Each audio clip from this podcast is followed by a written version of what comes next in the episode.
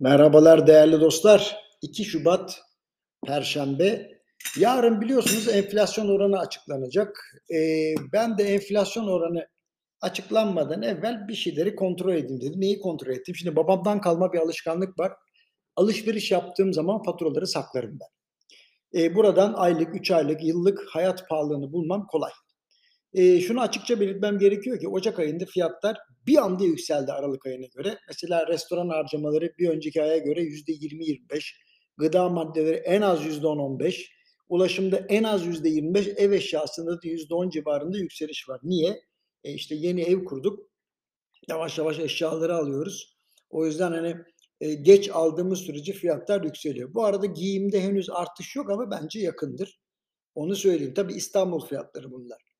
Şimdi İstanbul Ticaret Odası da dün İstanbul Perakende Fiyat Endeksini açıkladı. Anlıyorum ki aşağı yukarı benim söylediğim oranlarda seyretmiş harcama kalemleri. Benim liste biraz İTO'ya göre yüksek çıkmış. Ama şimdi başka bir tehlikenin altını çizeyim. Şimdi döviz kurları çok uzun zaman yerinde sayarken her şeyin doğru ilerlediği sakin dönemlerde enflasyonun yükselmesinin önünü kesiyor. Bak bunu kabul ediyor.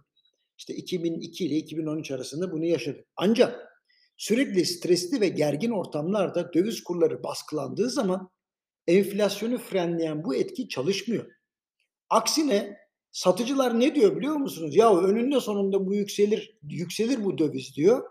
Ve fiyatlara hem muhtemel kur artışını hem de tedarik riskini de ekleyerek yola devam ediyorlar. Bu sebeple fiyatlar asla gerilemiyor.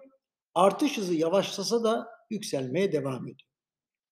Şimdi mesele öyle bir hale geldi ki işte demiyor musunuz diyor kur yükselince enflasyon da yükseliyor diye alın size falan diye böyle sonuçları bertaraf etmeye çalışan bir yönetim tarzı oluştu. Teori ve pratikte geçiş etkisi sebebiyle evet doğru kur yükselişleri enflasyon yaratır. Ancak döviz kurlarının piyasa koşulları bozulduğu zaman yükseldiğini, dolayısıyla piyasayı bozucu işlerin yapılmaması gerektiğini kabul etsek her şey daha kolay olacak. Şimdi hal böyleyken yaşadığımız diğer gerginliklerin yanı sıra bir de seçim belirsizliği sebebiyle azalan bir hızla yükselmeye devam edeceğini göreceğiz enflasyon. O yüzden şimdi yarın TÜİK ne açıklarsa açıklasın piyasadaki gerçek değişmeyecek. Piyasada yaşananlardan uzak her tüfe açıklaması fiyatlama davranışlarının daha da bozulmasını yol açacak. Bu sebeple TÜİK en doğru fiyatı acaba nereden alırım çabasını hızlandıracak. Sonuç olarak hepimiz yorulacağız. Piyasalarda helak olacak.